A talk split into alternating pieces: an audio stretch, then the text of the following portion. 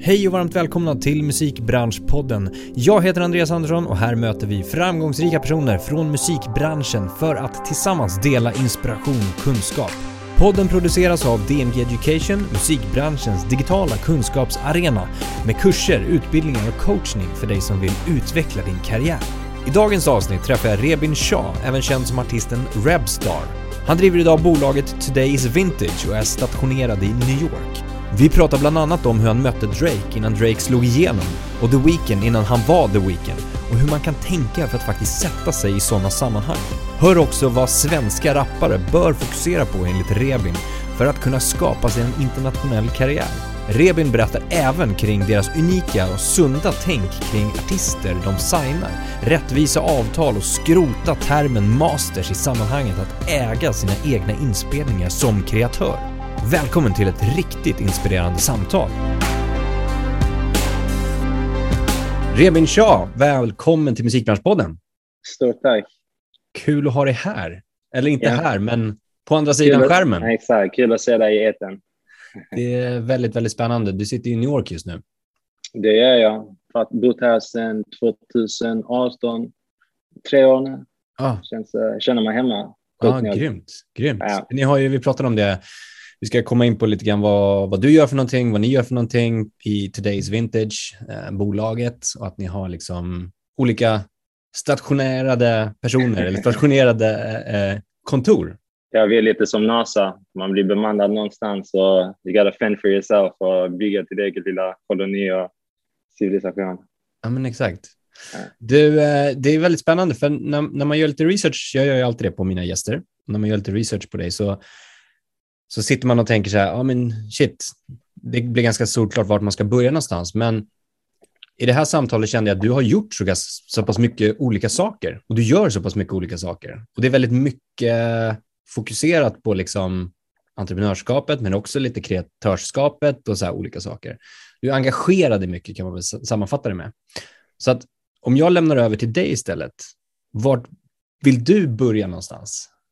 Alltså, det är det som är det roliga för min del. Jag, jag tycker jag, liksom, jag är en artist som gör musik och hjälper andra med deras konst. Mm. För mig är det så pass kortfattat. Mm. Men jag förstår att det, det finns ju många liksom, pusselbitar till det där. Jag, jag är liksom Ravenshaw, bättre känd som Rapstar, eh, artist och eh, grundare och vd på Today's Vintage. Och om man tittar på Therese Vintage då kommer alltid frågan, men hur hade du beskrivit det bolaget? Mm. Och vi började ju som skivbolag, sen kom vi in på publishing, eventuellt management och eh, nyligen tv och filmproduktion. Så jag har inte kommit på ett bra ord för att beskriva bolaget, men kanske jag ser det lite som ett ekosystem. Jag, jag driver ja. ett ekosystem. Ja, men det där är ganska spännande för många av dem jag snackar med och sen när vi pratar i våra utbildningar så de här tydliga avgränsningarna mellan bolag och aktörer som det var förr i tiden. Att så här, skivbolag höll bara på med skivbolagsverksamhet har ju förändrats ganska speciellt. Du, du kan ju välja, som du säger, men vi plockar lite där, vi gör lite det, men huvudsyftet är, jag vet att ni kallar det för artist friendly till exempel, eller artist first eller vad det Ja, eh, ja. men, men, men här är grejen, jag tycker inte att vi ligger nödvändigtvis i framkant eller att vi skiljer oss från så många andra. Nej. Kanske hur kanske hur vi tänker, men John Platt har gjort samma sak nu med Sony Publishing och skivbolaget där de försöker liksom gifta dessa två bolag så att det blir mer holistiskt. Och Exakt. För, för vår del är det betydligt lättare för vi är ett litet bolag. Vi har inte tusentals songwriters, producers och artister. Så um, det, jag minns, folk tyckte alltid det var lite konstigt och när jag hör ordet 360 så blir jag riktigt förbannad för det är absolut inte det vi gör. Vi jobbar med vissa producenter endast för management, med vissa mm. endast för publishing. En artist som kanske är bara på labelsidan, men ganska ofta det, det, tar inte lång tid för en av våra, när jag säger artist så menar jag även producent, låtskrivare, you name it. Mm. Våra artister de gillar att jobba med oss och eventuellt så frågar de om vi kan också jobba med dem liksom på management-sidan eller label-sidan eller på publishing-sidan. Det blir liksom en natural progression, mm. uh, vilket, uh, vilket är kul för att jag tycker desto mer man kan göra in-house och jag har ett otroligt bra team, desto lättare blir det liksom att supporta artistens vision Exakt. Och sen såklart så har man ju så, självklart externa samarbetspartners.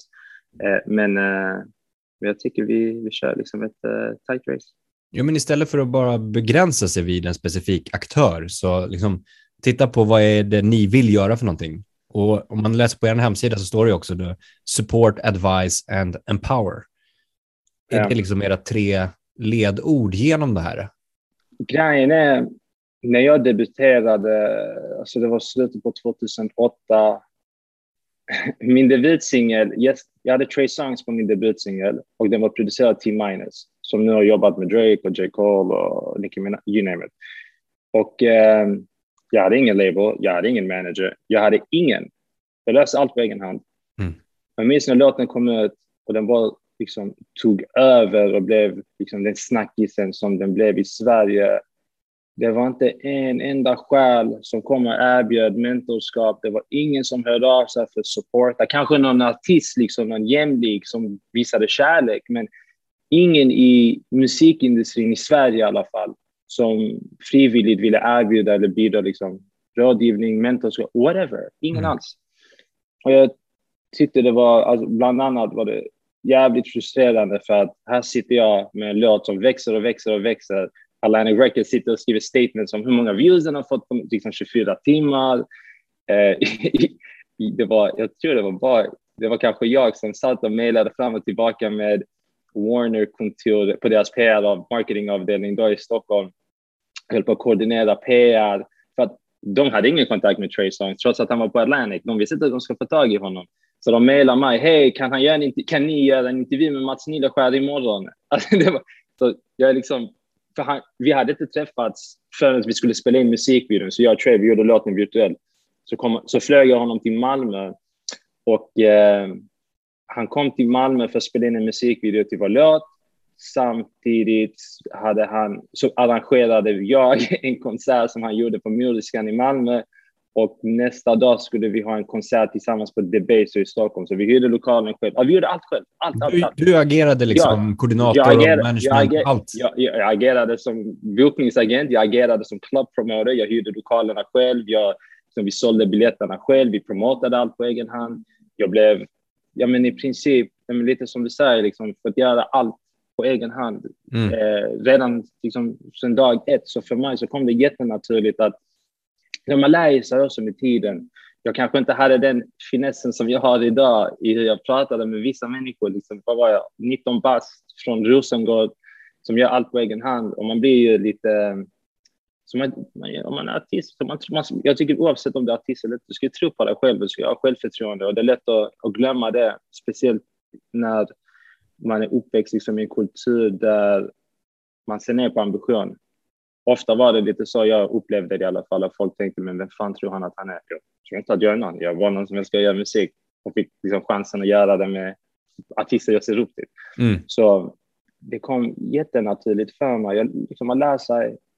Jag minns jag ringde till MTV i Frankrike och pitchade video. Kanske låtsades inte, jag kanske låtsades att jag var min manager, men, men jag gjorde det. Och jag, Mm. de, de samtalen och de mötena och liksom misstagen, allt, allt, allt, allt. Det, det har bara gjort det lättare för mig att eh, förstå vad andra behöver och vad de saknar. Och det jag ville göra när vi startade Today's Mentors är att se till att ingen artist som jag i alla fall jobbar med ska någonsin behöva gå igenom det skitet igen. Oavsett om det går bra eller dåligt, du har någon som kommer vara där för rådgivning. Du vet, jag ska berätta en rolig grej för dig. Jag kan inte säga vilken. Jo, men jag kan absolut berätta. Så vi, har, vi jobbar med en artist som heter Gerd. Ja. Som har fått ganska mycket, väldigt, väldigt bra respons med hennes debutsingel. Och eh, alltså, vi visste allihopa att hon kommer bli en superstjärna. Vi var helt övertygade. Men det gick väldigt, väldigt fort. Alltså hon har fått immediate feedback och folk älskar henne. Och eh, vi jobbar med henne på label och publishing-sidan. Och låten kom ut på, i torsdags, liksom nästa dag, kanske 49 samtal med alltså folk som verkligen måste liksom svara när de ringer, som vill jobba med allt möjligt, liksom från bokare till major label, alla, alla du kan tänka dig. Och jag sa till eh, Elin, jag bara, du behöver en manager. jag trodde inte det skulle hända så fort, Men du behöver en manager nu, för nu finns det jättemycket och there's something to manage. Mm. Och hon frågade om vi kan vara hennes management. Mm. Och det finns jätte, väldigt alltså, etablerade managers som har hört av sig. Men hon frågade om vi kan göra det istället. För att hon känner sig trygg med oss och vi förstår visionen. Och det, det, det, och det är det, för mig var det det mest smickrande jag kunde höra. Det var samma situation med eh, Wizard, producenten som vi jobbar med, som eh, i, det var i somras som verkligen slog igenom, fem, producerade fem låtar på Polo G's Billboard number one album, ytterligare en låt på Gucci Manes album och eh, varenda manager du kan tänka dig och förlag har hört av sig till honom. Mm. Och, eh, alltså management för liksom Travis Scott, alla möjliga. Och han tackade nej till dem och ville att vi skulle bli hans managers istället. Så Mm. du vet, det, för mig, jag, jag tar det där otroligt, jag, jag tar det på högst, jag tar det på allvar och det finns inget annat som, är, som betyder mer för mig i, liksom, med, inom min karriär så har det alltid funnits folk som det finns ju folk som tror på en, det finns ju folk som verkligen måste övertalas. Men när någon tror på mig som liksom label eller manager eller som en samarbetspartner, det, liksom den tilliten, jag, jag tar det på liksom fullaste allvar. Det är ett ansvar som jag inte alls tar för givet. Mm. Han, han har ju liksom lagt hans karriär i, i våra händer. Exakt. Jag försöker ju vara där för dem liksom på alla möjliga sätt. Men i alla fall, det roliga var med Elin, jag sa till henne, du behöver en manager. Ja, var, varför behöver jag en manager? Jag bara, men du, alla de ska göra detta och detta. Hon bara, men ni gör ju allt det där redan. Jag, så hon hade tagit det för givet för att vi var ju inte hennes manager, men vi kompletterar. Liksom. Jag tänker inte skilja mellan, ja men du, du behöver, vi har inget managementavtal så jag tänker inte göra dessa grejer, utan Nej. vi gör ju det för det är liksom ett holistiskt eh, eh, upplägg som vi har. Och Mm. desto bättre det går för henne så är det självklart att det går bättre för oss också. Mm. Men det där som du pratar om nu, det, det handlar ju om, precis som du säger, förtroende, men också hur pass viktig bevis är, hur pass viktig relationen är mellan kreatören eller artisten och bolaget i fråga också. Och att det inte Ja. bara handlar om liksom stora pengar, stora namn, stora liksom, att det är de som kan göra det bästa möjliga arbetet. Ja, ja, ja. ja. Alltså, vi, alltså vår, våra samarbeten går ut på tillit och från båda håll. Mm. Först och främst så vi äger inga inspelningar. Jag använder inte ordet masters längre. Jag, tycker att jag uppmanar folk att sluta göra det också. Men eh, vi äger inga inspelningar. Men det kommer ett visst ansvar för artisten också i så fall om de äger sina inspelningar. De behöver leverera dessa liksom, Mm. det finns mycket mer de behöver göra. Eh, och vara var avtal liksom 50-50. Det är otroligt transparent, det är därför jag kan prata om det öppet. Men förutom på management där det är betydligt, betydligt mindre vi tar såklart. Men nu om vi snackar liksom på labelsidan, det är 50-50 net profit. Och jag tycker att det skapar, alltså det tar bort dimman. Det finns Mm. inga frågetecken, du vet vad du får, vi vet vad vi förväntar oss av och, och, och, och förväntningarna och det finns ingen hemlig agenda. Det är jättetydligt. Allt är väldigt tydligt. Och, och med det sagt, den tilliten som finns där, det, det är smittsamt. Och du vet, på tal om relationer, först och främst, jag går aldrig ut och alltså, aktivt letar efter en artist och signa. Det är väldigt organiskt. För de, jag vet inte vad det är, men the world just... De letar sig till er. Exakt, eller vi bara hittar varandra. Vi bara Ja. hittar varandra. Och väldigt ofta så är det någon i teamet, alltså någon artist eller producent eller låtskrivare som rekommenderar en annan till oss och säger du verkligen jobba med den här personen. Eller så säger de jag har hört riktigt bra grejer om dig. Så, liksom, så fort det är någon som är, oavsett om de är helt, även om de vet att de vill signa med oss, säger jag till dem, gå och snacka med de andra som vi jobbar med. Och Mm. känna av lite, ställa alla möjliga frågor, se vad de tycker och hur, det har varit, liksom, hur de har upplevt samarbetet. Mm. Och ehm, alltså, jag tror verkligen på liksom, doing good business is good for business. Mm. Jag, jag har, alltså, Today's Vintage grundade jag för nio år sedan och har, har det dåligt rykte så vi kommer inte så långt liksom det bränner alla broar. Det, det tar betydligt längre tid att göra det på rätt sätt tycker jag. Samtidigt, du kommer liksom vara kvar i, alltså du kommer alltid ha en plats i industrin i så fall. Mm.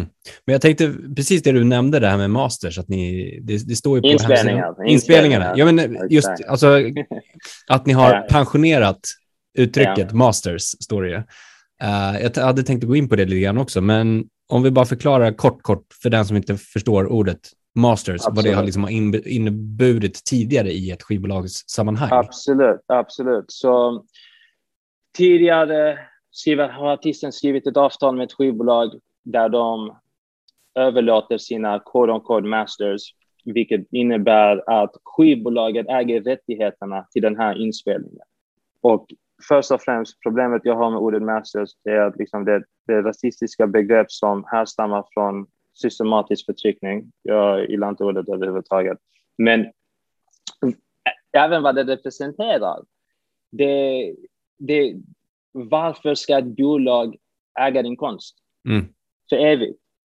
Du kan göra en licens, vi gör endast licensavtal. Under en viss period jobbar vi tillsammans och de inspelningar som vi släpper då, eh, låtarna i princip, det spelar ingen roll om de hamnar på ett album eller om det är singel eller EP, whatever. De låtarna som vi släpper under en viss period så delar vi på intäkterna. Förlåt, vi delar på vinsten. Och eh, när, när det har löpt ut så får du tillbaka dina, liksom, du har tillbaka 100% rättigheter till dina inspelningar. Du gör vad du vill med dem. Vill du förnya mm. ett avtal med oss? Vill du behålla dem själv och köra independent? Vill du signa till ett major? Whatever you want to do, det ska vara upp till dig. Och varför det betyder så mycket för mig, det är för att Um, alltså genom åren så har det funnits folk som har hört av sig och sagt men du, låt mig komma in och hjälpa er på Tredje Vintage, med kapital, whatever. Och det var någon som frågade mig en gång, liksom drömscenario. Hur, vad hade, om du hade haft liksom oändligt med resurser och kapital i bolaget, vad hade du gjort? Och så sa jag till honom, för han sa till mig, men hur, vad, vad hade du själv velat signa för dit? Och då sa jag, men jag ska självklart äga mina rättigheter och inspelningar. Jag hade velat ändå göra licensdeal, kanske distribution. Men jag tycker liksom, bolagen är väldigt bra på marknadsföring, så jag hade gjort licensdeals. Och jag ville i princip tillämpa allt som jag ville ha till mig själv, till alla andra jag jobbar med. Mm. Och det är egentligen så det kom, jag kom fram till att fan, vi, och det var ingen som hade bett, vi, när vi startade bolaget så ägde vi alla inspelningar, men det var ingen som har bett om dem, utan jag bestämde mig precis innan pandemin, sjukt nog, kanske en månad innan pandemin, så um, skickade vi ut ett brev till alla vi jobbar med och sa ni äger era inspelningar från och med nu, ge det lite tid för vi måste skriva om alla avtal och det är inte bara ett, liksom ett överlåtelsebrev utan vi ska skriva helt nya avtal. Mm. Med, liksom, mer förmånliga, inga mer royalty, um, ingen royalty-struktur utan vi kör sen, net profit, kommer att vara väldigt transparent, väldigt tydligt. Vi betalar ut uh, ytterligare förskott till alla vi jobbar med.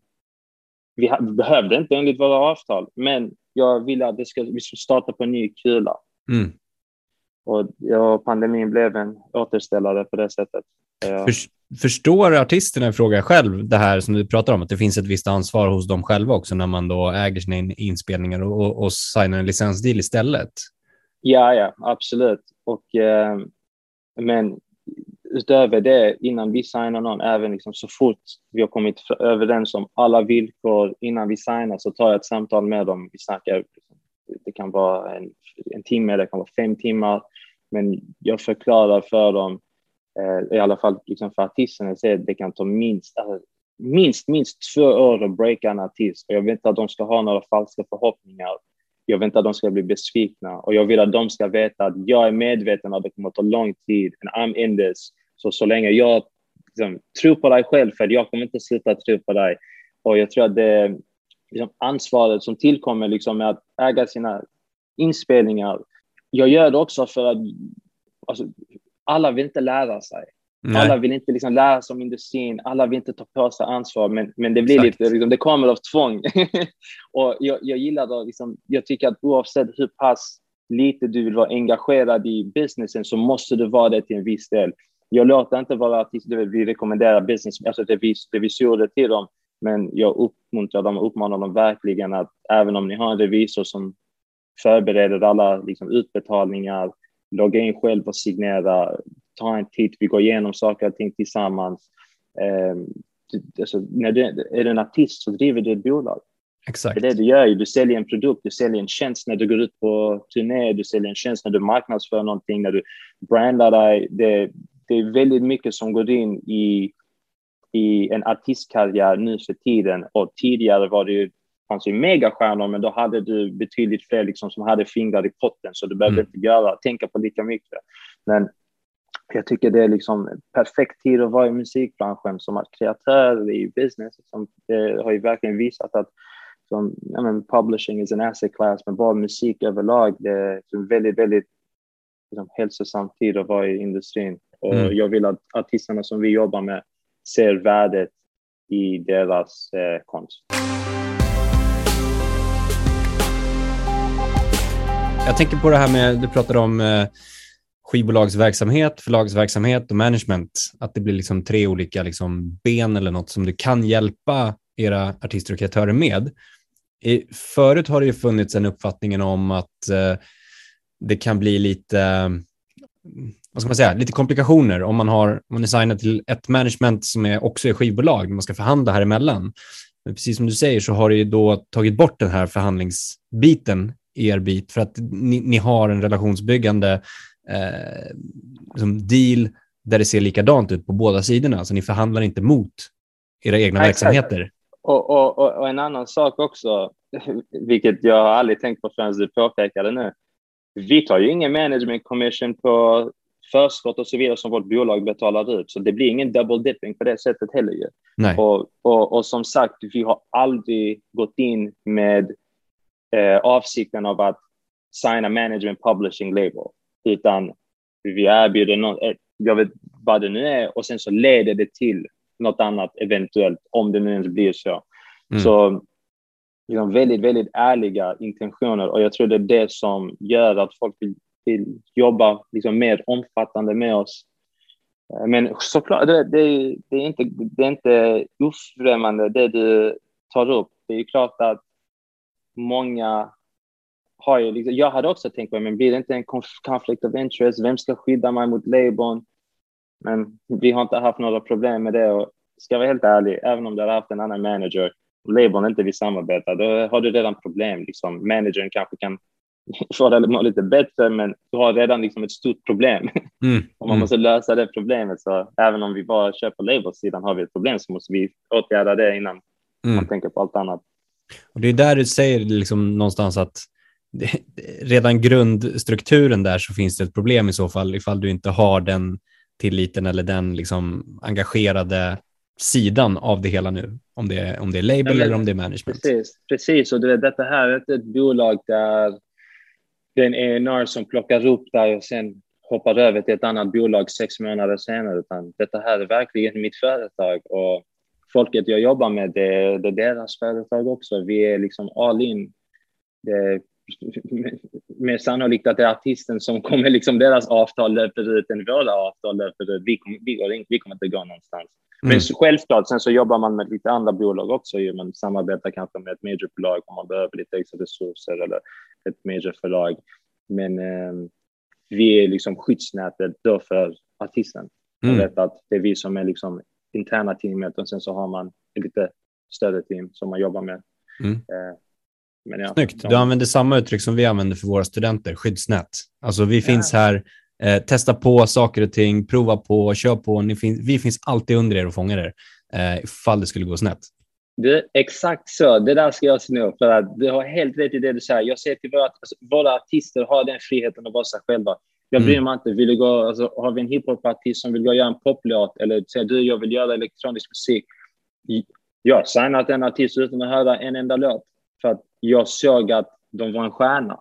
Mm. Och jag vet inte, alltså, jag kan inte sätta fingret på det, men jag tror att ödmjukt sagt, min talang är att identifiera talang i andra. Artist, alltså corporate, spelar ingen roll. Och eh, alla har någonting i sig. Det bara hjälper att hjälpa. Det gäller att hjälpa dem ta fram det, nurture it mm. and amplify. Mm. Snyggt. Och, och, och den snor jag då i så fall. det Men det handlar ju om det, precis som du säger. Och inom så här, om man tittar på eh, entreprenörskap och tech och utveckling, så att sätta begränsningar, så sätter du ju en bana som någon annan ska följa på något sätt. Om du istället öppnar upp den, de begränsningarna, att det inte finns några begränsningar och testar på, det föder ju innovation. Och innovation Exakt. finns ju både inom teknik, men det finns ju inom kreativitet också.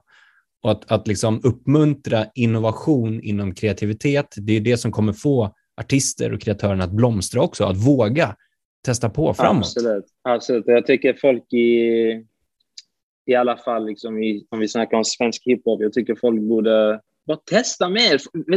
Jag vet inte om du har märkt detta här, men jag blir så arg när jag går in på någon liksom, jättestor artist på deras Instagram, så har de bara fyra inlägg, eller ett inlägg, ja. och följer ingen. Tänk dig själv, vad sysslar du med? Du, du, kan inte göra det. Så, jag, jag pratade med en vän som är chef på Apple Music i New York om detta här, liksom, the era of Frank Oceans och The Weeknds, den är över. Det är the Cardi B-era nu. Du måste visa upp dig själv och det handlar, alltså bjud på dig själv. Sen kan du välja vad det nu är. Till och med Frank Ocean har öppnat upp sin Instagram. Han lägger upp bilder på möbler. Du kan göra vad du vill så mm. länge du liksom, du måste släppa in folk. Jag misstänker att kommer få mycket skit för detta här, men jag tycker folk är lata, helt ärligt. Jag tycker folk är lata. De, de, och det är därför vi inte har några svenska hiphop superstjärnor. Och jag älskar, alltså, Petter och Timbuktu, de är ju stjärnor. Jag menar inte någon specifik, utan jag menar varför kan inte någon, någon i hiphop-Sverige sälja slut på Avicii Arena på egen hand? Mm. Men vilka är, som är, är, är det kreatörerna som är lata artisterna eller är det liksom team runt omkring? Eller? Det, det, det börjar alltid med artisten. Det börjar mm. alltid med artisten ta vilken boyband eller girlgroup som helst, liksom, en blir en stjärna och kanske inte de andra. Det är för att den artisten jobbar hårdare. Kanske det är tur och tur. What, what does that even mean? Du, liksom, det är inte håll, du kan ha tur, men det, du kan inte ha en hållbar karriär genom att ha haft tur en, två gånger, utan det mm. gäller verkligen att jobba riktigt, riktigt hårt. Och, och liksom, det har mycket att göra med hur, många artister finns det, eller hur många hiphopare finns det inte från USA som kan sälja slut på våra arenor här hemma?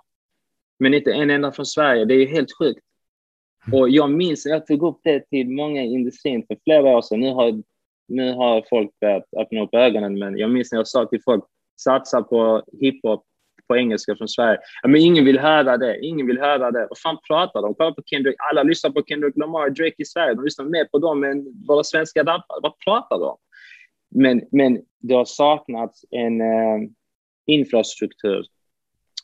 Och det mitt, mitt mål som jag alltid varit väldigt liksom, loud om och väldigt tydlig om, det har varit liksom, att främja svensk hiphop-export. Nu är det att främja svensk musikexport. Men jag har alltid haft en hemlig agenda och det är att bygga en infrastruktur. Och då menar jag inte liksom rent geografiskt. Det var ju det jag trodde väldigt länge att det behövdes någonting i Malmö eller det behövdes något i Sverige och vi, de satsade jättemycket på en megastor studiokomplex och jag tänkte vi behöver ett nätverk, vi behöver fler tidningar som kan uppmärksamma artister, det behövs fler klubbar som, där de kan uppträda, fler radiostationer där de kan spelas.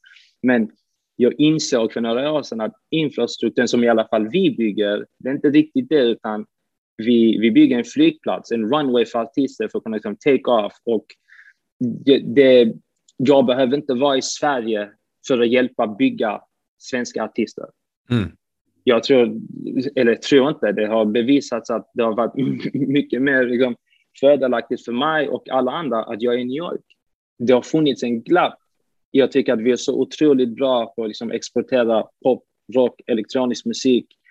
Vi har aldrig lyckats göra det med hiphop. Och jag tror att kanske, som har man kollat på mig och de framgångarna jag har haft, så kanske man tänker, men det är kanske ett undantag och sen så kommer in till artist och tänker, ja men kanske liksom hade tur att de hittade en till, men nu så ser de ett tydligt mönster, utan detta är liksom samma sak jag predikat genom åren. Mm. Satsa mer på att export... Ja, hiphop är den största genren som finns. Och det är inte som att svenska artister är dåliga på att rappa på engelska, utan de har bara saknat resursen, resurserna och förutsättningarna för att kunna göra det på riktigt. Det, det har varit väldigt mycket fokus på liksom svensk hiphop de senaste ja, par åren, innan det också, ja. men liksom verkligen liksom de par åren kanske. Um, kan det vara ett problem, att, ett problem då i det, i det här internationella tänket att man har fastnat i det och egentligen bara prioriterar det då? Och... Det, det är enklare ju. Det är enklare för artisten för att eh, de är, liksom, folk som uppväxer i Sverige, de pratar ju svenska. Det är deras eh, moderspråk och, och samtidigt lättare för bolagen, som de, eller vem det nu är de jobbar med, för att de har ju liksom en mall på hur man ska breaka en artist. Mm. Men, men eh, jag vet inte om du har sett det än, men jag ser det jättetydligt. Den trenden är, inte att den är över, men det finns en ny trend nu. Och nu ser folk att det är möjligt att få liksom, internationell framgång mm. inom hiphop. Och det har gjort att folk har liksom hopp. Du vet, de flesta som kör på svenska, de rappade på engelska. Mm. Men ingenting hände med deras karriär, så bytte de till svenska. För det är lättare. Det är klart att, liksom, och jag, jag dömer ingen. Um, för min del har jag bara aldrig gjort det. För att, liksom, jag gick på en internationell skola sedan jag var sju år, så jag pratar ju med flit. Jag pratar fem språk. Min pappa är tolk. Han pratar tolv språk, så jag tror det bara är mitt DNA. Men men eh, för mig har det bara kommit mer naturligt liksom, med engelskan. Och jag lyssnade på, såklart jag lyssnade på Petter och Timbuk och Snook. Men eh, det var något med liksom, amerikansk hiphop. Det är här liksom, liksom the birthplace är. Så det var någonting som bara drog mig till det. Och jag älskade liksom språket och, och konst, konsten. Så jag, jag vill, jag vill bygga den här infrastrukturen. Och jag känner att vi är liksom på god väg. Vi är definitivt på god väg. Nu har man sett framgången med producenter och eh, inom väldigt snar framtid så kommer man se det också på artistsidan. Och jag hoppas på att det motiverar eller inspirerar folk och, om, om du vill köra på engelska eller ifall du vill ha en karriär i som utlandet, kör. Mm. Mm. kör. Kolla på Young Lean, alltså det går. Mm. Han är inte ett undantag. Han är inte ett undantag han borde fan vara en inspiration för alla andra att ta tag i sina grejer. Han gjorde ju det. Varför ska inte någon annan göra det? Exakt. Snyggt. Du, jag tänker bara vill gå tillbaka kort till det här vi pratade om, artist development, som liksom Absolut. är det ni vill göra. Uh, och att, att det är liksom en, en lost art nästan. Är det det du har Definitivt. pratat om, det här beskrivandet, liksom att, att utveckla just artister? Du vet, det finns ett roligt ENA-skämt om en artist som stöter på en A&R, han har aldrig släppt någon låt. Han eh, stöter på honom någonstans, han säger hej, here's my demo, kan du lyssna på den? Uh, let me know what you think. Mm. Han får hans nummer, A&R's nummer. Det går någon vecka, A&R har inte hört av sig, så artisten ringer A&R och känner det är jag som gav dem min liksom, skiva, om de då har haft tid att lyssna på den. Och A&R bara, ah nej, jag har tyvärr inte hunnit lyssna. Okej. Okay. Det går någon vecka till, han ringer till A&R igen. Tjena, tänkte bara kolla med dig igen. Har du lyssnat på skivan? Ah, tyvärr, jag har haft så mycket att göra, men jag ska lyssna på den snart, jag lovar. Det går någon vecka till. Han återkopplar. Hej, jag tänkte kolla. Har du haft tid att lyssna på min skiva? Han bara, ja, jag lyssnade på skivan. Säger artisten då, ah, fan vad nice, vad tyckte du? Och A&R säger, ah, jag vet inte, ingen annan har hört den ju. Och jag tycker det är så fucking synd för att du ska, det är så liksom streambaserat nu och det vad tycker andra om detta här? Men jag bryr mig inte om du har 100 miljoner streams eller om du har 100 streams. Om jag tycker du är speciell så jag satsar liksom. Jag satsar. Mm. Um, och uh, såklart, det finns ju artister. Du vet, när jag, jag, jag kan ju höra någonting i någon. Det betyder inte att de är redo för uh, Madison Square Garden. Men jag hör något, jag hör något och jag vet att det behöv, alltså, de behöver bra support och de behöver tid för att hitta sig själva och för att liksom, utveckla soundet. Och vi pratar i samma språk, liksom. jag är själv artist så jag tror att det gör, alltså, det gör ju det betydligt lättare. Speciellt för att jag kan se en artistvision även om de har svårt att förmedla det, även om det inte är så tydligt. Alltså, jag kan se riktigt bra igenom dimma. Um, och um, ja, alltså, när det gäller hiphop i alla fall, jag har en teori som jag kan dela med mig. Eh, alltså, jag, jag, alltså jag, min filosofi är att jag har insett att varje framgångsrika rappare, åtminstone i USA, varje liksom stor artist är rappare. Varje stor rappare i USA, de uppfyller minst en av tre kriterier. Antingen så är du en supertalang, du är väldigt annorlunda och unik, eller så har du liksom the streets bakom dig. Vilken artist som helst, nämn en artist. Young Thug, han är jätteunik. Drake, supertalang, men också annorlunda för han var liksom the white Jewish kid from Canada. Och han gör också music for the streets. Han har liksom alla, han är, alltså, han är the trifecta och det är därför han är vem han är. Kendrick Lamar, supertalang, han gör musik för the streets och eh, såklart också annorlunda. Men det gäller att ha minst en av dessa tre. Har du inte någon av dessa tre, då kan du inte bli en superstjärna.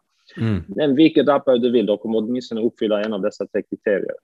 Och eh, vi är alla unika. Du vet, jag tror att det, det, som, det som tar tid för en artist är att hitta sin egen röst. Jag minns i början när jag började göra musik, jag var otroligt inspirerad. Innan Drake blev vem han blev. Jag, jag, jag känt Drake sen innan han liksom slog igenom. Och eh, jag såg upp till honom jättemycket trots att han var en artist som jag kände och jobbade med. Och eh, jag blev otroligt inspirerad av hans sound, så jag lät lite som en mini-Drake i början. Och det tog tid för mig själv. Jag minns jag pratade med... Shit, trip down memory lane här. Jag minns... Okej, okay, jag ska dig lite kontext. ja, men det här gillar vi. Jag ska ge lite kontext. Jag lärde, och jag ska säga det liksom väldigt kortfattat för jag vill komma fram till min poäng. Jag lärde känna Drake medan jag pluggade juridik i Skottland. Inte för att han pluggade juridik i Skottland, men det är där jag hörde hans mixtape som eh, mixtapet innan det stora mixtapet som hjälpte honom att slå igenom. Så fort jag tryckte på play, introt, jag tror inte ens, jo, jo, precis när introt var klart så tänkte jag för mig själv, jag tror jag sa det, jag sa det högt, jag bara oh my god, han kommer bli världens största artist.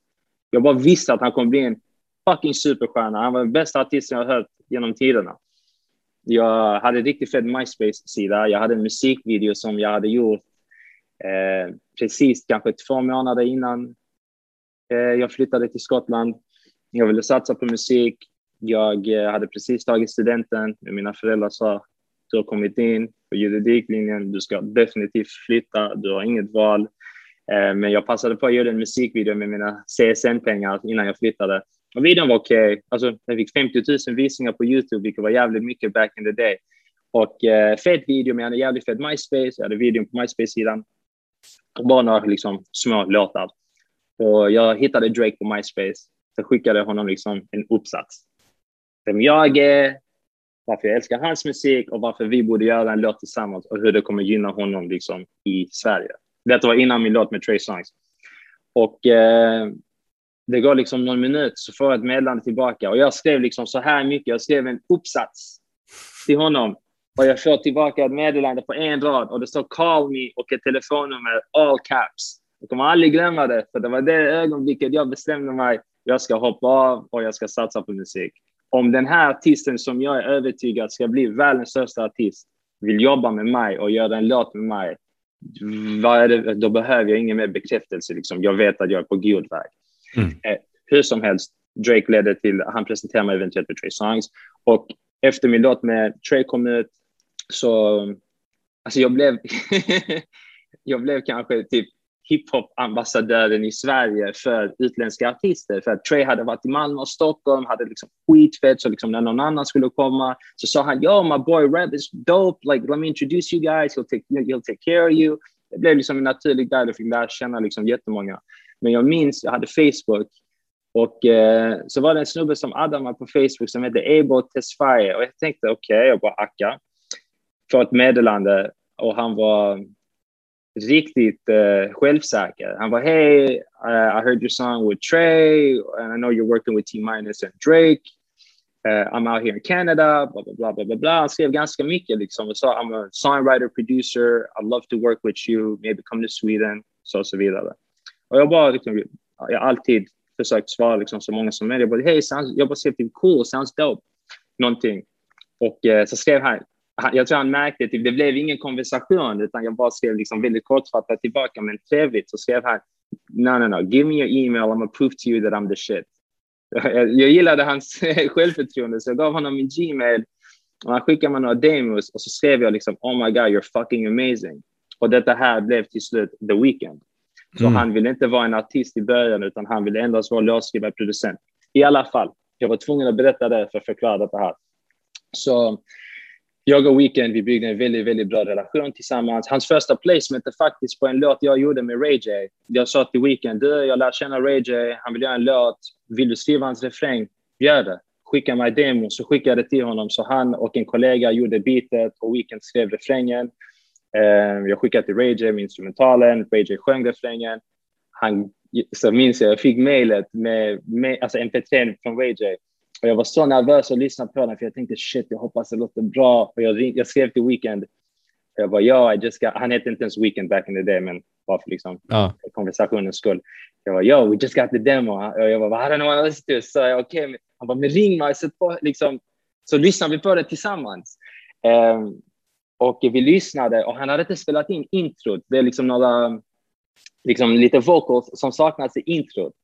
Eh, så, så var jag, men alltså refrängen lät bra, alltså, det var riktigt stark refräng, men så, introt saknades. Och jag minns weekend, jag var jättebesviken. Och han bara, fuck it bro, just use my vocals. No one's gonna be able to tell the difference. Om man lyssnar på den låten med Rage så är det Weekend som sjunger introt egentligen, men man märker inte.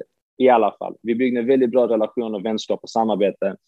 Och vi skickade musik fram och tillbaka. Och eh, jag hade spelat in en låt som jag inte hade släppt än, tror jag. Jag skickade den till Abel och jag bara, yo, what do you think of this song? I'm about to drop it. Och han sa en sak till mig, jag kommer aldrig glömma. Han sa, bro, you gotta find your own sound because you sound like Drake. Mm. And mm. you can never be a better Drake than Drake, but you can be the best rap star there is. Mm. Och eh, han, så sa han, do the complete opposite. Han sa, för, för han visade jag kommer vara någonstans liksom i närheten Drake. Han sa, go as far as you can away from Drake. Mm. Så gjorde jag liksom lite mer, jag ville göra liksom en poprockig skiva. Jag liksom verkligen liksom tog avstånd från det. Men, men med, med det sagt, jag, eh, alltså jag, jag fattar att det tar riktigt lång tid att hitta sig själv och, och skapa ett sound och någonting som du älskar, men det, det är jävligt svårt att kunna... Alltså jag, som artist och A&R, du är i en väldigt tuff sits för att gör du någonting som folk verkligen tycker om, så det är enkelt att göra om samma sak sen. Mm. Men du kanske känner dig oinspirerad av att göra samma skit om och om igen. Folk kanske tröttnar på att höra samma sak om och om igen, men om du gör någonting nytt så kanske det... Jag minns när Kanye West släppte 808 and Heartbreak. Jag älskade den skivan alltså från dag ett, men jag minns i början, folk sågade den skivan. Alltså inte bara vänner, utan kritiker, alla i industrin. De tyckte inte att, de fattade inte vad den skivan representerade. Jag älskade den från day one, inte för att det betyder någonting, men personligt, liksom smaksak. Men um, den var så liksom innovativ att det tog tid för folk att inse hur jävla bra den är. Mm. Man har ju liksom den här uh, impulsen att rejecta någonting som man inte riktigt förstår. Som du inte känner igen. Exakt. Mm. Och eh, det är därför liksom vissa väljer att liksom massera in det. Men, mm. men, men jag tycker liksom fail fast, fail, fail cheap. Det spelar ingen roll. Testa dig fram. Släpp en låt. Funkar det inte så funkar det inte. Vet, många tänker på liksom sin image och Sjukt nog, jag lyssnade på Petter-avsnittet igår på Musikbranschpodden på gymmet och så sa ah, han cool vad var det han sa? Han sa, jag fattar inte varför folk är så fega. Typ. Ja, de vill inte göra många features. Jag gör features med alla. Korrekt, gör features med alla. Det, mm. Tips jag ska ge till alla rappare i Sverige. Det du gör är fel. Jag bryr mig inte om du är den mest streamade artisten i Sverige. Du hade, med den framgången du har så borde du vara hundra gånger större. Du borde vara hundra gånger större. Satsa på dina liveshows.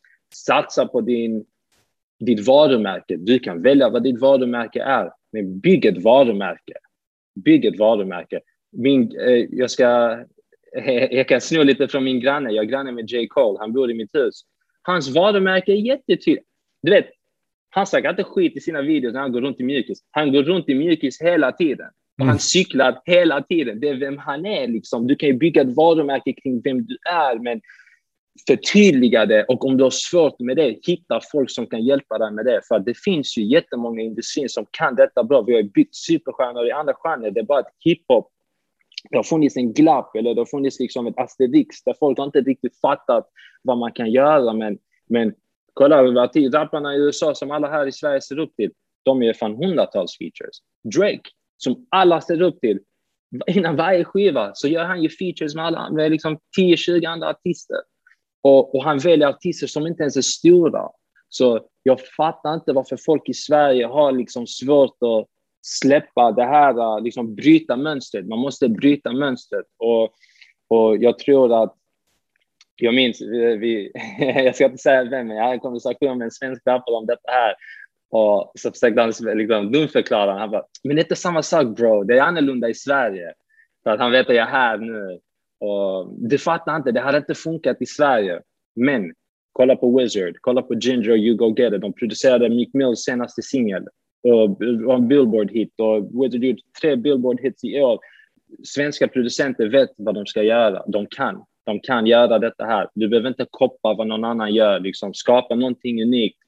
Det kommer att vara tillräckligt bra för alla andra, men jag tycker att ribban eh, jag kommer få jävligt mycket skit för det här, detta avsnittet. Men jag ska vara ärlig, jag tycker att på artistsidan, vi sätter ribban för lågt i Sverige. Mm. Vi sätter det för lågt. Och det är för det, det, är ett litet land, det är lite lättare för du har inte lika många konkurrerar med. Kör du på engelska, du konkurrerar med alla i hela världen. Eh, men det finns supertalanger. Alltså 95 procent av dem vi har signat är liksom från Sverige. Jag tror ju på svensk, svenska artister och svenska producenter och svenska låtskrivare. Men jag tycker de behöver, det behövs liksom ett team, det behövs resurser, det behövs förutsättningarna för att kunna verkligen bygga någonting.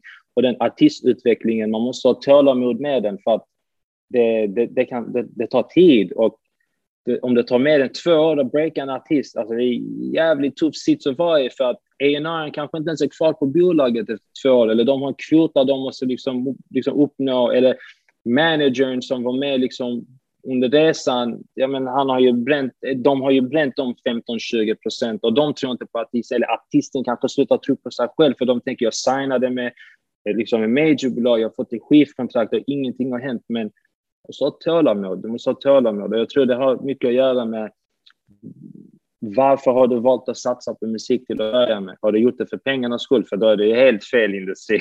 Det finns betydligt lättare att sätta, liksom, bli framgångsrik rent ekonomiskt. Mm. Men har du gjort det för att du älskar det och du vill verkligen liksom bygga en karriär kring det, ja, men du får ju liksom ta din tid och du får ta det på allvar. Du får inse att det, det, det, kan hända över natten, men jag tycker det är riktigt synd när det gör det, för då har du ingen foundation. Och du kan inte, så du kan inte bygga en karriär på hype. Och hype kommer och går. Du ser varje månad är det ni svenska rappare vi pratar om. Har du sett shit vad de har gjort? Och, eh, alltså hype kommer och går. Och det viktigaste med den hypen du har, den lilla stunden du har det, du måste omvandla alla nyfikna människor och alla som lyssnar på din låt och göra dem till dina fans. Och mm. De måste älska artisten mer än de älskar låten. Och det är jävligt svårt om låten blir riktigt stor innan artisten har lyckats bygga deras fanbase. Men eh, gigga mer och spendera tid på att bygga, liksom, göra en riktigt, riktig spelning. Bygga en konsertupplevelse som, att, som liksom, publiken kan ta hem med sig. Jag älskar FKA Twigs. Spelar ingen roll om hon har släppt en ny skiva eller inte. Släpper hon en biljett i New York, jag kommer gå till spelningen. Det, hon kommer alltid få mina pengar. Hon kommer alltid tjäna pengar på mig. Jag är ett fan. Mm. Älskar hennes musik också, men jag är ett större fan av henne som artist än mm. själva musiken. Mm. Och hon gör jävligt bra musik, så det borde säga mycket om liksom hur mycket jag ser upp till henne och älskar henne som artist. Men som sagt, infrastrukturen har saknats, så det har varit jävligt svårt att göra det. Och det finns ingen blueprint. Det finns aldrig någon blueprint, men det har inte funnits liksom en tydlig väg till hur man ska göra det. Så det är lätt att liksom tänka från Malmö eller från från Rågsved eller Hornstull eller wherever till, men shit, New York, LA, det är så jävla långt borta, det kommer aldrig hända. Fuck it, jag kör på svenska. Eller även om du kör på svenska, liksom bli inte bekväm i den här uh, bubblan, utan bygg någonting. Kolla på Veronica Maggio. Jag hade köpt Fortsätt utvecklas. Ah. Fattar Hon är en superstjärna och liksom, hon är, förlåt, hon är en supertalang. Och vi har riktigt liksom, otroliga talanger i hiphop också, men de behöver bara support och den supporten kan komma i olika, liksom i olika former. Det, det, kan, det handlar inte bara om pengar. Jag, jag fan, vi håller på att förhandla en deal just nu. Um, jag kan inte säga vad det är för artist, men vi ska släppa en skiva och alla, eh, vi ska teama upp med ett, bol, liksom ett, eh, ett större bolag för eh, distributionen och marknadsföringen. Och eh, sjukt nog, även på förlagssidan så det vi kommer fram till. Vi har olika deals vi håller på att göra och vi går inte efter liksom den största checken. Folk som erbjuder mest pengar, det är vanligtvis inte de vi väljer att samarbeta med. Mm. För det finns viktigare saker än pengar. Och det är det jag försöker säga till folk. Ta inte bara dealen som ger dig mest förskott. Förskottet ska ändå mm. recoupas. Vad fan är det? Mm. Så det är en annan viktig sak. Folk förstår inte vad dessa begrepp betyder. De vet mm. inte vad en option är för något. Wizard visste inte ens vad liksom, en publishing deal var för någonting. Medan vi höll på att förhandla med publishers så sa jag vänta, vi måste pausa allt detta här. Låt oss sätta oss ner och snacka. För du kan, tänk om du inte ens vill signa en publishing. deal. Vi måste liksom, jag pausade alla förhandlingar, jag sköt upp alla möten.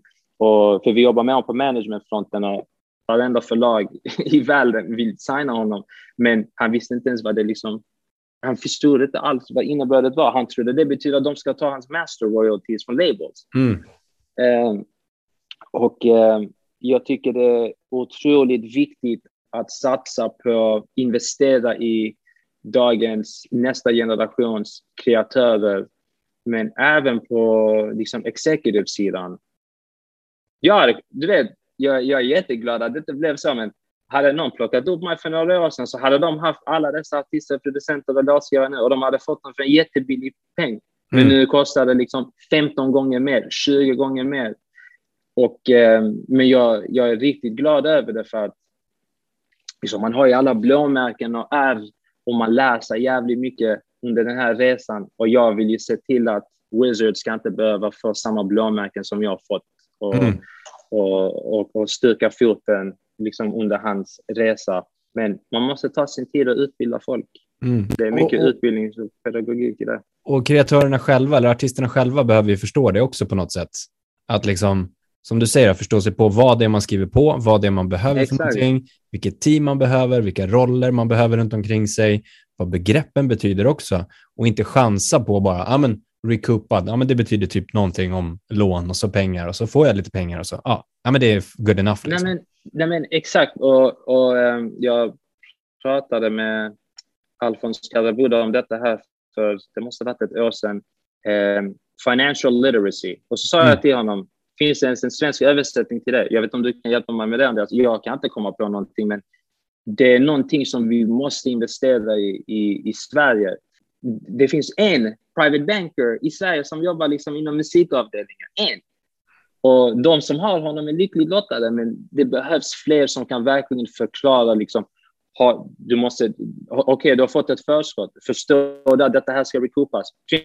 Du måste betala skatt, du måste betala arbetsgivaravgifter, du måste göra en budget, du måste samtidigt liksom, producera den här skivan som ska lämnas in. Mm. Eh, har du tänkt på, liksom, gör du någon pensionssparande? Hur förvaltar du ditt kapital? Vad ska du göra om eh, du är oinspirerad efter ett år? Vad ska du göra om din skiva floppar?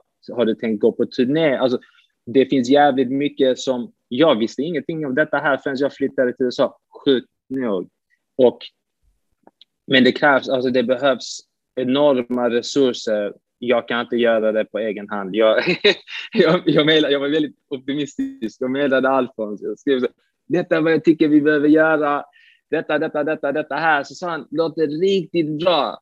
Men hur ska vi göra det? Och så tänkte jag, shit, jag hoppades på att jag kan vara skit, liksom, förmedla, pitcha idén och någon annan kommer lösa det. Men det exakt. exakt men, det, men det behövs, det behövs liksom omfattande resurser. Det behövs mm. verkligen um, det behövs resurser för att göra det, men det kommer att vara otroligt viktigt för att speciellt nu när musikindustrin genererar så himla mycket pengar och mm. det finns mer pengar. Man måste veta om man ska förvalta det. Man måste veta hur man ska. Man måste investera i sig själv. Man måste mm. investera i sig själv, men det är jävligt svårt om du inte vet vad det innebär. Exakt. Du, jag skulle bara vilja koppla tillbaka till, du pratade om Drake och Weekend till exempel. Då, då tänker ju många så här, hur fasen sätter han sig i de sammanhangen? Det är liksom världens största artister. Men det du har gjort när du berättar om det, det är att du satte dig i det sammanhanget, i det rummet redan innan de var världens största artister. Liksom omfamna ny musik. Det var, det var ju ny musik. Det var ju nya kreatörer, nya talanger. Och istället för nu att leta efter att sätta sig i rummet tillsammans, alltså rummet, det, det, inte i det fysiska rummet, men i liksom sammanhang med Drake idag så ska du ju hitta nästa stora artist och nästa stora ja. kreatör. Exakt, exakt. Och eh, musikindustrin tycker jag, alltså den, musikindustrin är en väldigt liten skola. Alla känner alla. Och jag var liksom the foreign exchange kid som vissa coola katter tyckte om och, och de har presenterat mig liksom för nya människor. Man bygger relationer. Men, men det du säger är helt rätt.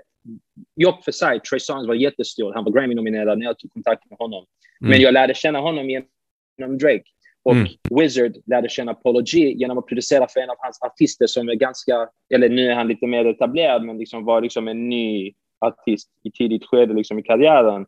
Du behöver inte, Scooter Braun säger samma sak. Han säger, spendera inte din tid, om du är på executive-sidan, samma sak tillämpas. Spendera inte din tid att jaga liksom, de stora jättarna, utan invest in your peers. För det är de som kommer bli den, liksom, nästa John Platt, det är de som kommer bli nästa Jody Gerson, de som kommer bli nästa, kanske inte nästa Clive Davis, det kommer aldrig finnas någon som Clive, men nästa stora liksom, eh, musikjätte. Och mm. eh, det, det, den gemenskapen, den finns nu i musiksverige tycker jag. Men jag minns när jag startade, det var, eller när jag fick eh, liksom mitt genombrott, det var jag, det var Rapstar, Lazy och Adam Tensta. Lazy och Adam, de, hade, de var i Stockholm, där det fanns en scen. Jag var i Malmö och de hade gjort musik betydligt längre än jag. Men jag minns att alltså, vi gjorde, varför gjorde vi inte saker tillsammans? Hänger mm. du med? Varför mm. satsade varför, varför måste bara en bli liksom musikexporten? Och folk har varit rädda om att liksom dela på kakan, men vi kan baka en större kaka tillsammans. Och det är det jag alltid försökt säga till folk. Men, eh, men det är inte heller bara, det är inte liksom någon artists fel för att det är alla andra runt omkring. Sony investerar i Lazy, liksom, medan Adam Tensta blir en disruptor som kör liksom på egen hand. Och man, man, det är ju samma sak med Cardi B och Nicki Minaj. Det är bolagen bakom som har ju liksom pittat dem mot varandra och sen så leder det till någonting eventuellt, men man måste på något sätt. Eh, jag, det är bara vad jag gör. Jag, jag bryr mig inte vem det är, om det är stor eller liten. Liksom jag, jag, jag satsar, jag investerar väldigt, väldigt mycket i relationer. Jag, jag är väldigt... det, låter jättekonstigt att prata om sig själv på detta sättet, men man ska bara vara genuin. Man ska mm. vara genuin. Man ska inte ha någon, liksom en agenda. Och det är därför, du vet, gör det, det på, gör det på ett genuint sätt så kommer du kunna ringa den personen åtta år senare. Du kommer, om du nu verkligen tror att du ska bli en superstjärna i branschen eller liksom som artist, du kommer stöta på dem igen. Så varför ska du bränna en bro? Varför ska du utnyttja någon? Jag tror inte på liksom en, en förhandling när det är win-lose, för då förlorar båda. Det måste vara win-win. Mm. Man, eh, man måste våga i alla fall, med, med det sagt, det du pratar om är jätteintressant. För jag tycker A&Rs, de som är riktigt bra på det de gör, de, eh, de hittar liksom de nya stora artisterna som ingen tror på. Mm. Jag tycker det är mer spännande. Ja, hon hade inte släppt en enda låt när vi signade henne. Hon hade inte släppt en enda låt. Vi jobbar ju med större artister också, men, men jag tycker det är roligare att jobba med en ny artist för att det finns så mycket mer man kan göra och, och eh, folk älskar att bli nykära. Mm, exakt. Så ja, ja, det, är lätt, det är lätt, alltid lättast med, först, med debuten, tycker jag. Jag tycker det är andra låten och andra skivan. Det är då man verkligen måste bevisa liksom, något. Nästan. Överträffa alla förväntningar. Ja, exakt. Det här med... Ja, men det, alltså det här med det, sätta sig i olika sammanhang och samarbeta, göra liksom collabs med, med andra artister till exempel, är ju skitintressant. Och, och de som säger om du, om du pratar med um, artist eller kreatör i Sverige som, där du säger men testa på, kör lite collabs, kör lite liksom, släpp musik, bara put it out there och, och se liksom vad som händer. De som är rädda för att säga, men då blir det officiellt, då ligger det där ute. Tänk om det inte blir som jag har tänkt mig. Hur kommer det uppfattas? Hur kommer det liksom tas emot när jag släpper någonting nytt nästa gång? Vem bryr sig? Ingen bryr sig. Jag har en, vi jobbar med en artist som tänker så. Jag sa till honom, bro, ingen bryr sig.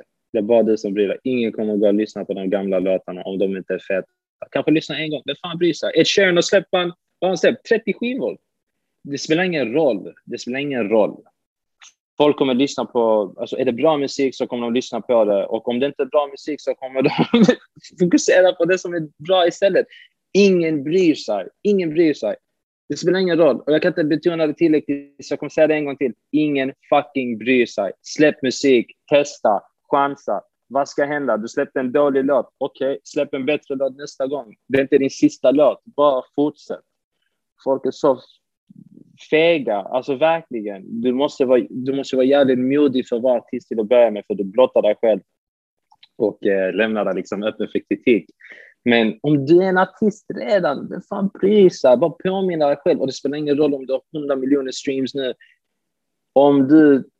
Det, det, det, är väldigt, det är väldigt tufft att svara på den frågan för att det finns liksom ett svar som artist och så finns det liksom ett svar som A&R. Mm. Jag tycker att som artist ska du alltid göra vad du vill. Alltid. Gör vad du vill. Jag tycker som A&R när du pratar med en artist, låt dem göra vad de vill till 90 procent. Och sen 10 procent vad folket vill ha. Jag tycker mm. det hade varit en liksom, bra balans. Men när det kommer till kritan, så att artisten måste få välja. Men du måste bara uppmuntra dem. Det finns ju ett, ett, ett, ett problem när artister är rädda för att släppa någonting. Den rädslan måste försvinna. Och jag tror att, eh, jag är helt övertygad att så fort man börjar se vet du vad? Jag ska ge ut facit här och nu. Kör. Är du en svensk rappare? Vill du skilja dig från alla andra? Vill du bli superstjärnan?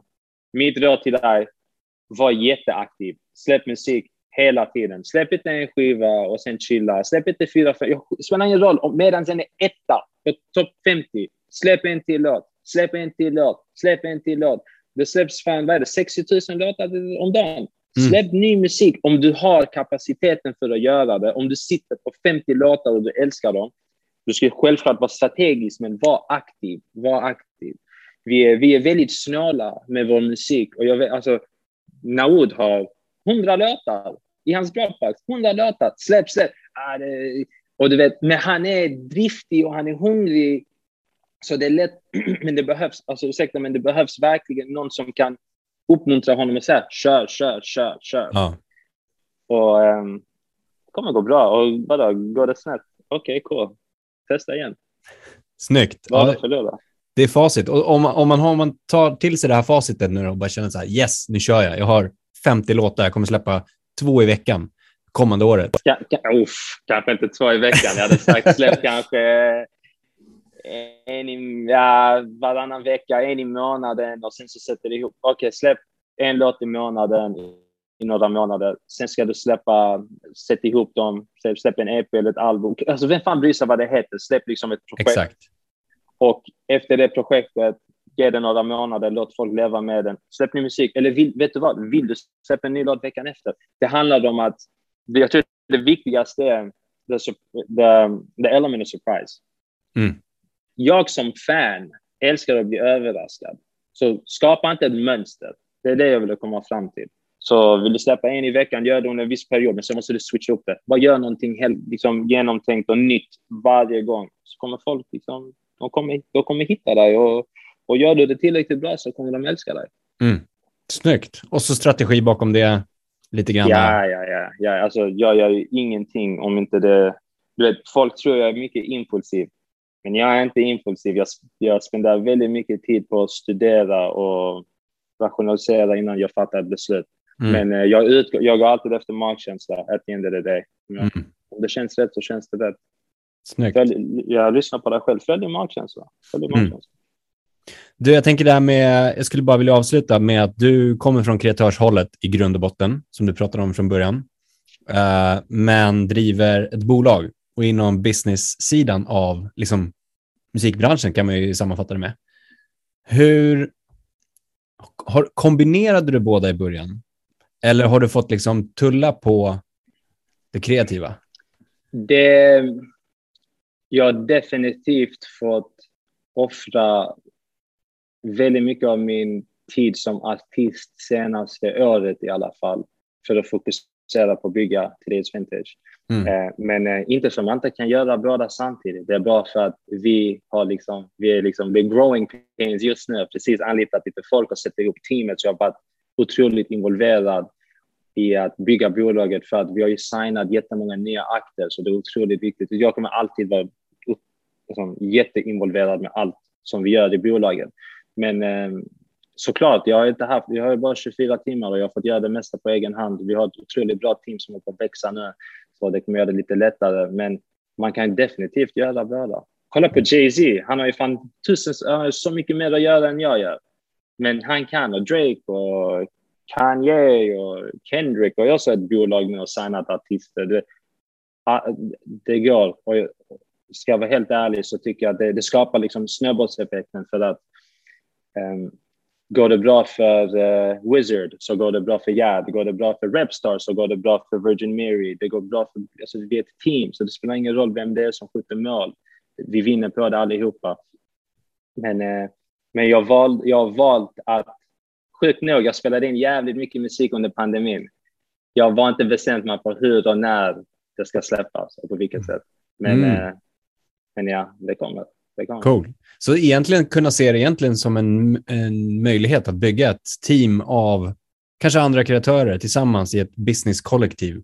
Eller liksom Absolut. bolag alltså, tillsammans med andra.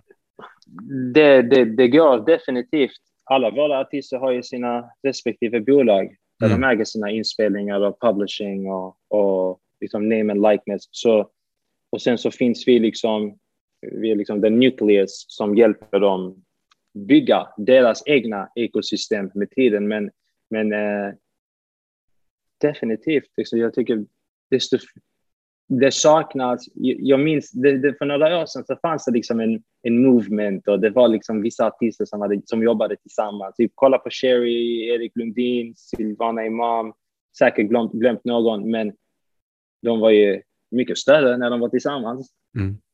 Så jag, jag gillar det, gemenskapen. Jag är ensambarn, så jag älskar liksom att vara bland liksom, min eh, jobbfamilj, om man säger så. Mm. Ja, men ja. grymt. Du, avslutningsvis, vem skulle du vilja höra i eh, podden? Jag, vet du vad? Jag ska lämna det lite öppet. Jag hade velat höra någon som inte är så etablerad. Ta någon ny, eh, någon som precis varit ENA i kanske sex månader. Det hade jag velat höra. Jag vill höra liksom hur de har upplevt allting de liksom första sex månaderna, varför de valde att komma in i branschen innan liksom allt besudlades. jag vill höra liksom det oskyldiga i dem. Varför är de så liksom, passionerade i musik? Det hade varit ja. kul att höra. Det var kul att höra. Och, ja, och se vart det tar sig sen. En uppföljning ja, två år senare med samma person. Exakt. Exakt, och även för att liksom ge, dem en, eh, ge dem lite spotlight. Mm. det är viktigt. Vi behöver lyfta fler unga kreatörer och fler unga i branschen. Mm. Det eh, finns otroligt mycket talang på båda, liksom båda sidor. Investera mer i dem. Mm. Två, två personer som är anställda i bolaget, de har ingen bakgrund i musikindustrin. Men jag vet att de kan musik. De mm. behöver bara erfarenhet. Erfarenhet får de med tiden och, mm. och att göra misstag. Så investera i, i nya generationen helt enkelt. Grymt. Du Reben, stort tack för eh, sjukt bra samtal. Jätteinspirerande, superspännande verkligen. Ja, tack detsamma. Det var riktigt kul att prata. Tack så jättemycket för att du har lyssnat på podden. Vi uppskattar det verkligen väldigt, väldigt mycket. Hör jättegärna av er till oss med era utmaningar. Vad står ni inför? Vad behöver ni hjälp med? Vi vill hjälpa er. Vi vill ta del av er resa. Hör av er till oss info at dmgeducation.se. Ha en fortsatt härlig dag.